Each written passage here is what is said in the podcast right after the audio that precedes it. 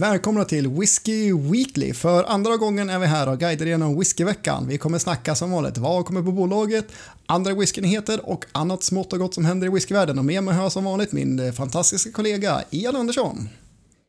God afton på er alla whiskyfantaster. Och du Daniel, innan vi börjar idag, kan vi bara säkerställa att du har tryckt på spela in-knappen här nu så vi slipper göra det här två gånger? Jajamän, den, den lyser. Jag är ganska trygg att nu... Vi är med nu. nu är vi med. ja, Vad har vi för ja. roligt idag då? Eh, ja, vi hoppar rakt in på bolaget. Det finns 12 eh, stycken som kommer den här veckan från den 8 till den 15 juni. Och en av dem är till, tillfälligt sortiment och resten är beställningssortiment den här gången. Skillnaden tillfälligt sortiment och andra lanseringar är att det kommer på ute på hyllorna i butik i vissa butiker bara. Så ni får gå in på bolagets hemsida och titta om det kommer på en butik nära er om ni vill köpa tillfälligt sortiment. Annars går det också att beställa till sin egen butik om det finns tillgängligt. Men vad är det egentligen som kommer då på det här tillfälliga sortimentet? Ja, eh, du har ju den här eh, som jag tror släpps om det är en gång varje år nu för tiden, eller titt som tätt, den här Glenfiddich IPA eller IPA, deras eh, experimental series som de körde med. Eh, så att nu är den här och jag misstänker att det är batcher man släpper ut den här på. Eh, och eh, det är en, ja, helt enkelt en Glenfiddich för 679 riksdaler som ska då vara lagrad på IPA-fat, alltså ölfat. Ja, det är väl en finish på, är det tre eller fyra månader som de kör? Ja, ja jag antar att det inte bara är IPA-fat, då skulle det nog inte vara drickbart. Men, det skulle bli en tråkig whisky du. ja. Jag, jag har inte provat den själv sen första gången de släppte den. Då, då vet jag att jag provade den och eh, anledningen till att jag inte har provat den en gång till var att jag, jag var helt enkelt inte förtjust i den här. Jag tyckte själva IPA-karaktären, det, det tillförde inget mer än, ja, det, den var rätt så besk i tonen. Så jag misstänker hade någonting med den här IPAn att göra och humlen i sig att göra. Men, men generellt sett så Eh, den var ganska sträv, det var, det var, inte min typ av whisky. Så att uh, han fick en chans och han har inte fått något mer sedan dess. Så kan man säga. Ja, jag, jag kan hålla med lite grann. Jag provade den första utgåvan också, var väl inte såld på den. Men uh, vi får se, man kanske kan prova den här på en uh, mässa eller någonting nästa år. Om vi får gå på mässor då. ja, det vet vi ju inte än. Men hoppet är det sista som dör. Att vi återgår till någ någorlunda normala tider igen. Ja, eh, men den släpps i alla fall tisdag den 9. Sen när vi kollar på beställning då, där händer det ju lite roligare saker kan jag tycka. Eh, det kommer två väldigt exklusiva eh, amrutar som egentligen är gjorda för Maison du Whisky, det franska power whiskyhuset som har väldigt fina buteljeringar ofta och eh, nu har de släppt några flaskor till Sverige av de här. De är inte billiga dock. Det är 1829 kronor styck. Ja, alltså ja, det, det, är sjukt mycket pengar. Men eh, jag har för mig att det står att de här var 7-8 år gamla va? Mm. Och när du, när du lagrar whisky i ett så varmt land som de här är lagrade i, då är det ju så att det dunstar ju oerhört mycket så kallad angel share. Jag kommer, du kanske kan exakt procenten, men jag tror det ligger mellan 10-12 procent per år som dunstar bort ur de här faten. Ja, till och med uppåt 13 säger de att det kan vara. Ja, det beror lite på hur varmt det är då. Men... Ja, så att om du tänker då lagrad i 7-8 år, ja då, då, är det ju mellan 60 och 80 procent av fatet som har dunstat bort och det är mm. resterande droppar som man då säljer. Så om man sätter det i perspektiv har man lite förståelse för att de faktiskt kostar några kronor så är det ju. Ja, precis och eh, nu är det också utbud och efterfrågan. De här med Sondy Whisky-utgåvorna är ju mindre än andra utgåvor såklart. Ja. Ja. Eh, så Ja, de, de är dyra, men eh, gillar man Amrut, det här kan ju vara kan vara ett samlingsobjekt eller bara en väldigt exklusiv och fin Amrut att bjuda på. Eller dricka själv. Brukar ha spännande smaker. Eh, jag har aldrig provat eh, råg, rågwhisky från Amrut så i sig skulle det vara lite intressant då. Men äh, de får nog släppa en billigare för att jag ska våga bara köpa något för att testa det helt enkelt. du sitter inte på avtryckaren när den kommer helt enkelt?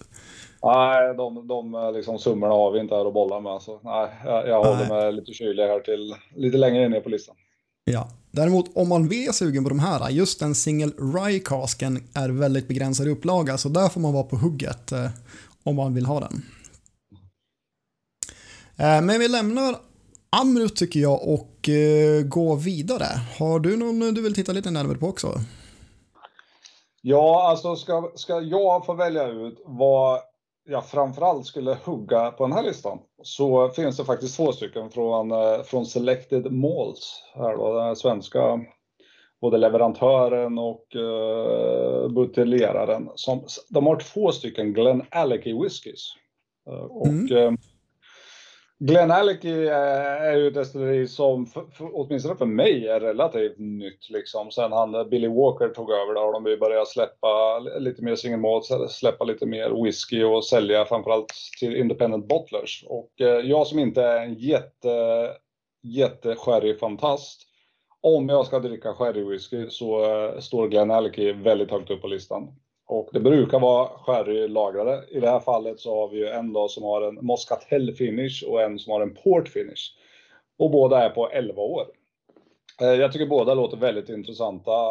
Eh, generellt sett har jag aldrig druckit något annat än bra whisky från Glen Det är en, eh, en peng på 763 kronor Ja, jag, jag, tycker det är rimligt. Det känns rätt. Det känns som ett bra pris och jag tror det kan vara ruggigt bra whisky. Så att de här två skulle jag absolut eh, sätta tänderna i. Mm. Ja, men spännande. Jag, jag har själv ingen riktigt eh, relation till Glenelg mer än att de har en lite speciell design på flaskorna. Jag känner inte till vätskan så mycket alls faktiskt. Jag provade dem en gång för ganska länge sedan. Men ja, ja men det låter ju väldigt trevligt. Som sagt, eh, för vad det är så priset är nog helt rätt. Eh, sen har vi då en eh, till ifrån Orienten, ifrån Taiwan. Det kommer en ny Kavalan Solist, den här gången en Rumcask. Där har de också skruvat upp priset en del känns det som. 1949 kronor ska de ta för den. Ja, Ja, jag, jag, tror ju inte det, det, finns någon åldersangivelse på den här, men, men, men återigen då, det är ett varmt land så jag misstänker det. Det, det är en whisky mellan fyra och sex år gammal, lagrad på romfat och vi vill ta 2000 kronor för den. Det är häftigt alltså. Det är ja, häftigt. Det, det, det svider om man gillar indisk och Taiwan, Taiwan whisky alltså. Det är... Ja, men så är det ju.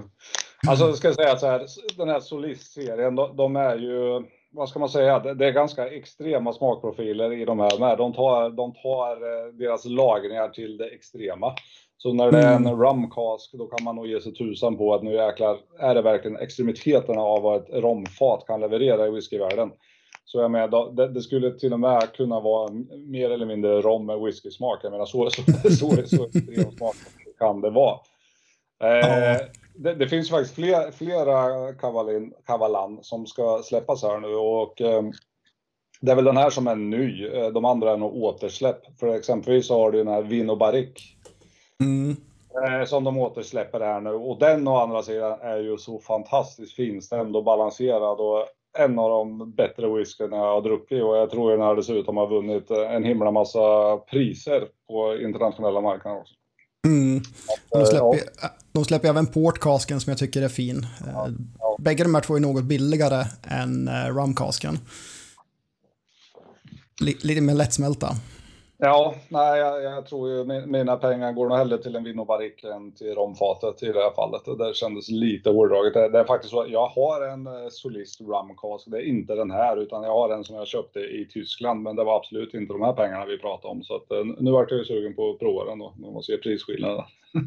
kan, ja. kan snål-Ove öppna den här lite billigare än har den. Fast om man vill ha just en, en Cavalansolist nu, då är det Rumcasken man får gå på först. För den kommer den 10 eh, juni medan Vinobaricken och Portcasken kommer den 15, alltså nästa måndag. Mm. Ja, beror på. Man kanske inte kan hålla sig. Då blir det en eh, Rumcask.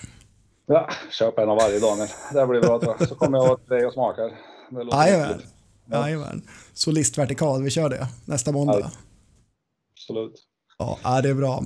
Eh, det finns faktiskt en uh, serie som kommer som är lite mer rimligt prissatt från Kärdaren. Väldigt mm. duktiga oberoende buteljerarna som också blivit med destilleri.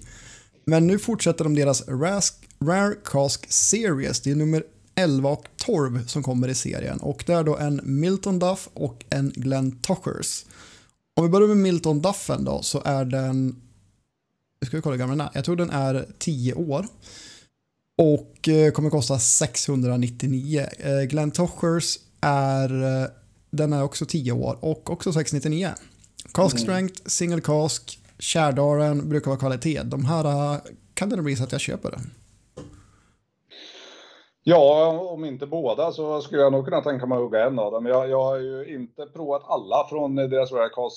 Jag har nog kanske provat hälften av dem och kan säga att Mm. den, den ena är bättre än vad den andra är. Det här är grabbar som vet vad de gör och de kan plocka ut riktigt, riktigt bra whisky. Och eh, ja, för, för mig känns det här som ett riktigt liksom fail-safe. Jag tror inte det kan vara dålig whisky de har valt ut. Jag skulle bli väldigt förvånad om, om så är fallet. Så ni får väl hugga med efterhand. Men jag tror det här är riktigt, riktigt safe pengar liksom. Även om det bara är, det är bara en halv liter. Men som sagt, det är en eh, single cask, cask strength. Så hade det varit en 70 för de här flaskorna så hade de ju garanterat hamnat över tusenlappen. Så det, det, det är ett fullt rimligt pris för de här whiskyna tycker jag. Mm.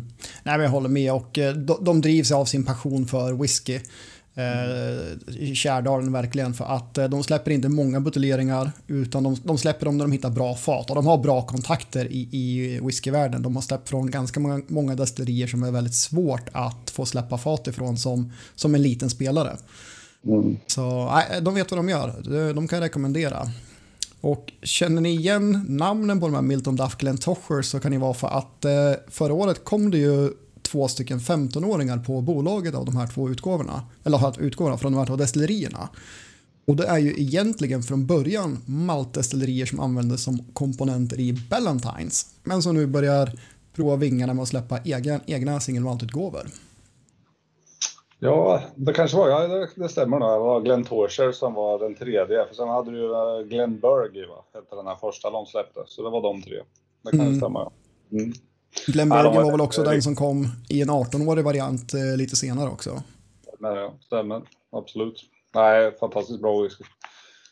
De, de var i alla fall lite, lite mildare, men de låg ju på 40 procent dessutom då, så de var ganska nedvattnade. Jag misstänker det kan vara lite värre tryck i de här. De är lite äldre, de är lite mer alkoholstinna, så att eh, det kan jag tänka mig är lite större profil.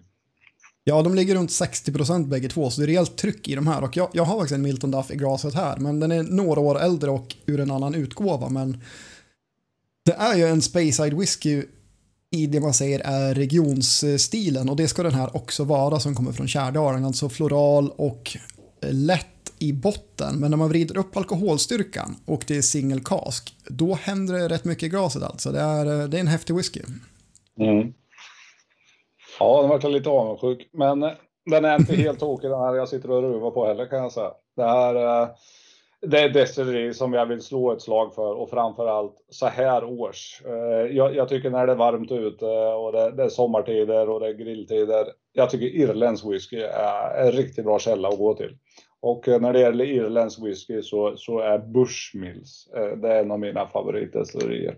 Klassiskt Eh, destilleri. Ja, verkligen. Jag, men jag tror är Bushmills eh, 21-åringen, det, det, det håller nog en av mina all time highs. Liksom. Så fantastiskt, bara enkel men fantastiskt god whisky. Mm. Men, men det här är, det här är, den här heter uh, Steamship. Och eh, om jag inte missminner mig så tror jag faktiskt att det här är då eh, Travel Retail-serien de släppte. Så att eh, jag tror inte det går att köpa den här på bolaget. Men, men om ni är ute och reser så ska ni hålla ögonen öppna för Steamship Collection. De har lite olika. Men det här är just en Bourbon Cask och den är, den är bara allmänt trevlig. Den är inte jättekomplicerad den här heller, men bara fantastiskt god whisky. Har den ett age statement också eller är det en, en liten nas? Det, här, det, är- det är en NAS. Det finns inte någon åldersangivelse på. Och eh, i smakprofilen så tycker jag, skulle jag nog gissa på att eh, det finns en del yngre whisky. För det finns lite, lite alkoholstinn i det, men på en väldigt trevlig nivå. Som garanterat blandar sig med mycket äldre droppar också. Den är väldigt Mm. balanserad, men med lite tryck i. Och det, det kan jag verkligen uppskatta. För den är inte alkoholstark, men det är ändå tryck i den Mm. smak. Och eh, nej, den här... eh, Ja, jag har ingenting ont att säga om den här whiskyn. Så den, den fick följa med på den här resan den här veckan helt enkelt. Det var en värld. Ja, nej men härligt. Jag, jag håller med. Irländsk whisky, trippeldestillerad, det kan inte gå fel en varm dag. Det brukar sitta fint det. Nej, jag håller med. Men eh, med det sagt så har vi gått igenom bolagssläppen och eh, nyhetsvärlden i övrigt utomlands. Eh, det hänt en lite rolig sak i England som båda gått för destilleriturismen här senare i höst. Eh, English Whiskey Company har nämligen slagit upp portarna för första gången sedan coronakrisen. Vill du berätta lite mer igen? Ja, jag, jag har ju sett att de har gjort det. Jag vet att det, det, det, finns väldigt mycket eh, frågetecken kvar hur de ska hantera det. För jag tror inte de ska gå på turer med stora folkskaror runt om på destilleriet. Men de, de öppnar upp till deras anläggning åtminstone so far. Eh, så att vi får se hur det går. Men förhoppningen, förhoppningen är ju att eh, det går väldigt lyckat och de andra destillerierna kan börja ta efter så att man åtminstone kan komma dit och fortsätta uppleva det här i år. För generellt sett så är det ju sommartider man vill besöka de här destillerierna. Så. Och mm. personligen så har jag ju själv en resa planerad till, till Skottland och inte England i höst och den ligger ju pyrt till nu så vi får hoppas att destillerierna tar efter och börjar öppna upp igen. Ja, men verkligen. Så, nej, men det båda gott i alla fall. Det, det, går åt rätt håll, eh, både borta i Storbritannien och här hemma i Sverige. Så ja, vi får se. Jag håller tummarna för att eh, i slutet av augusti, början av september att eh, vi får börja resa igen i Europa i alla fall. Mm. Sen så har det hänt en till sak i Sverige, i svenska whiskyvärlden.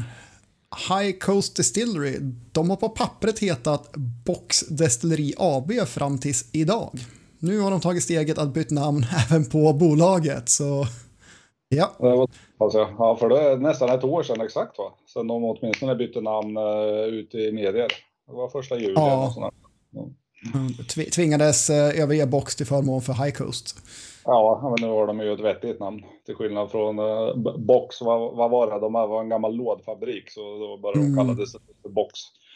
Jag menar, det, det, det, är svårt ja. internationellt. Det funkar i Sverige där man träffar mycket folk på mässor och eh, de dessutom gör bra whisky så det blir lite gräsrotsrörelse av det. Men tufft med boxwhisky utomlands alltså. Jag tycker High Coast Distillery, det låter jättebra. Det blir fantastiskt. Helt med. Men med det ja. tycker jag vi rundar av och säger kanske en score va? Kanske, skål på er. Kanske, skål. Och eh, gillar ni våran podd och VOD så följ oss gärna på Facebook, YouTube och eh, om ni lyssnar på podden får ni gärna betygsätta den också. Och är det någonting annat ni undrar över det vill, ni ta, vill att vi tar upp i podden eller tips om nyheter så hör av er till oss då på Facebook. Ni hittar oss under Whiskey Weekly.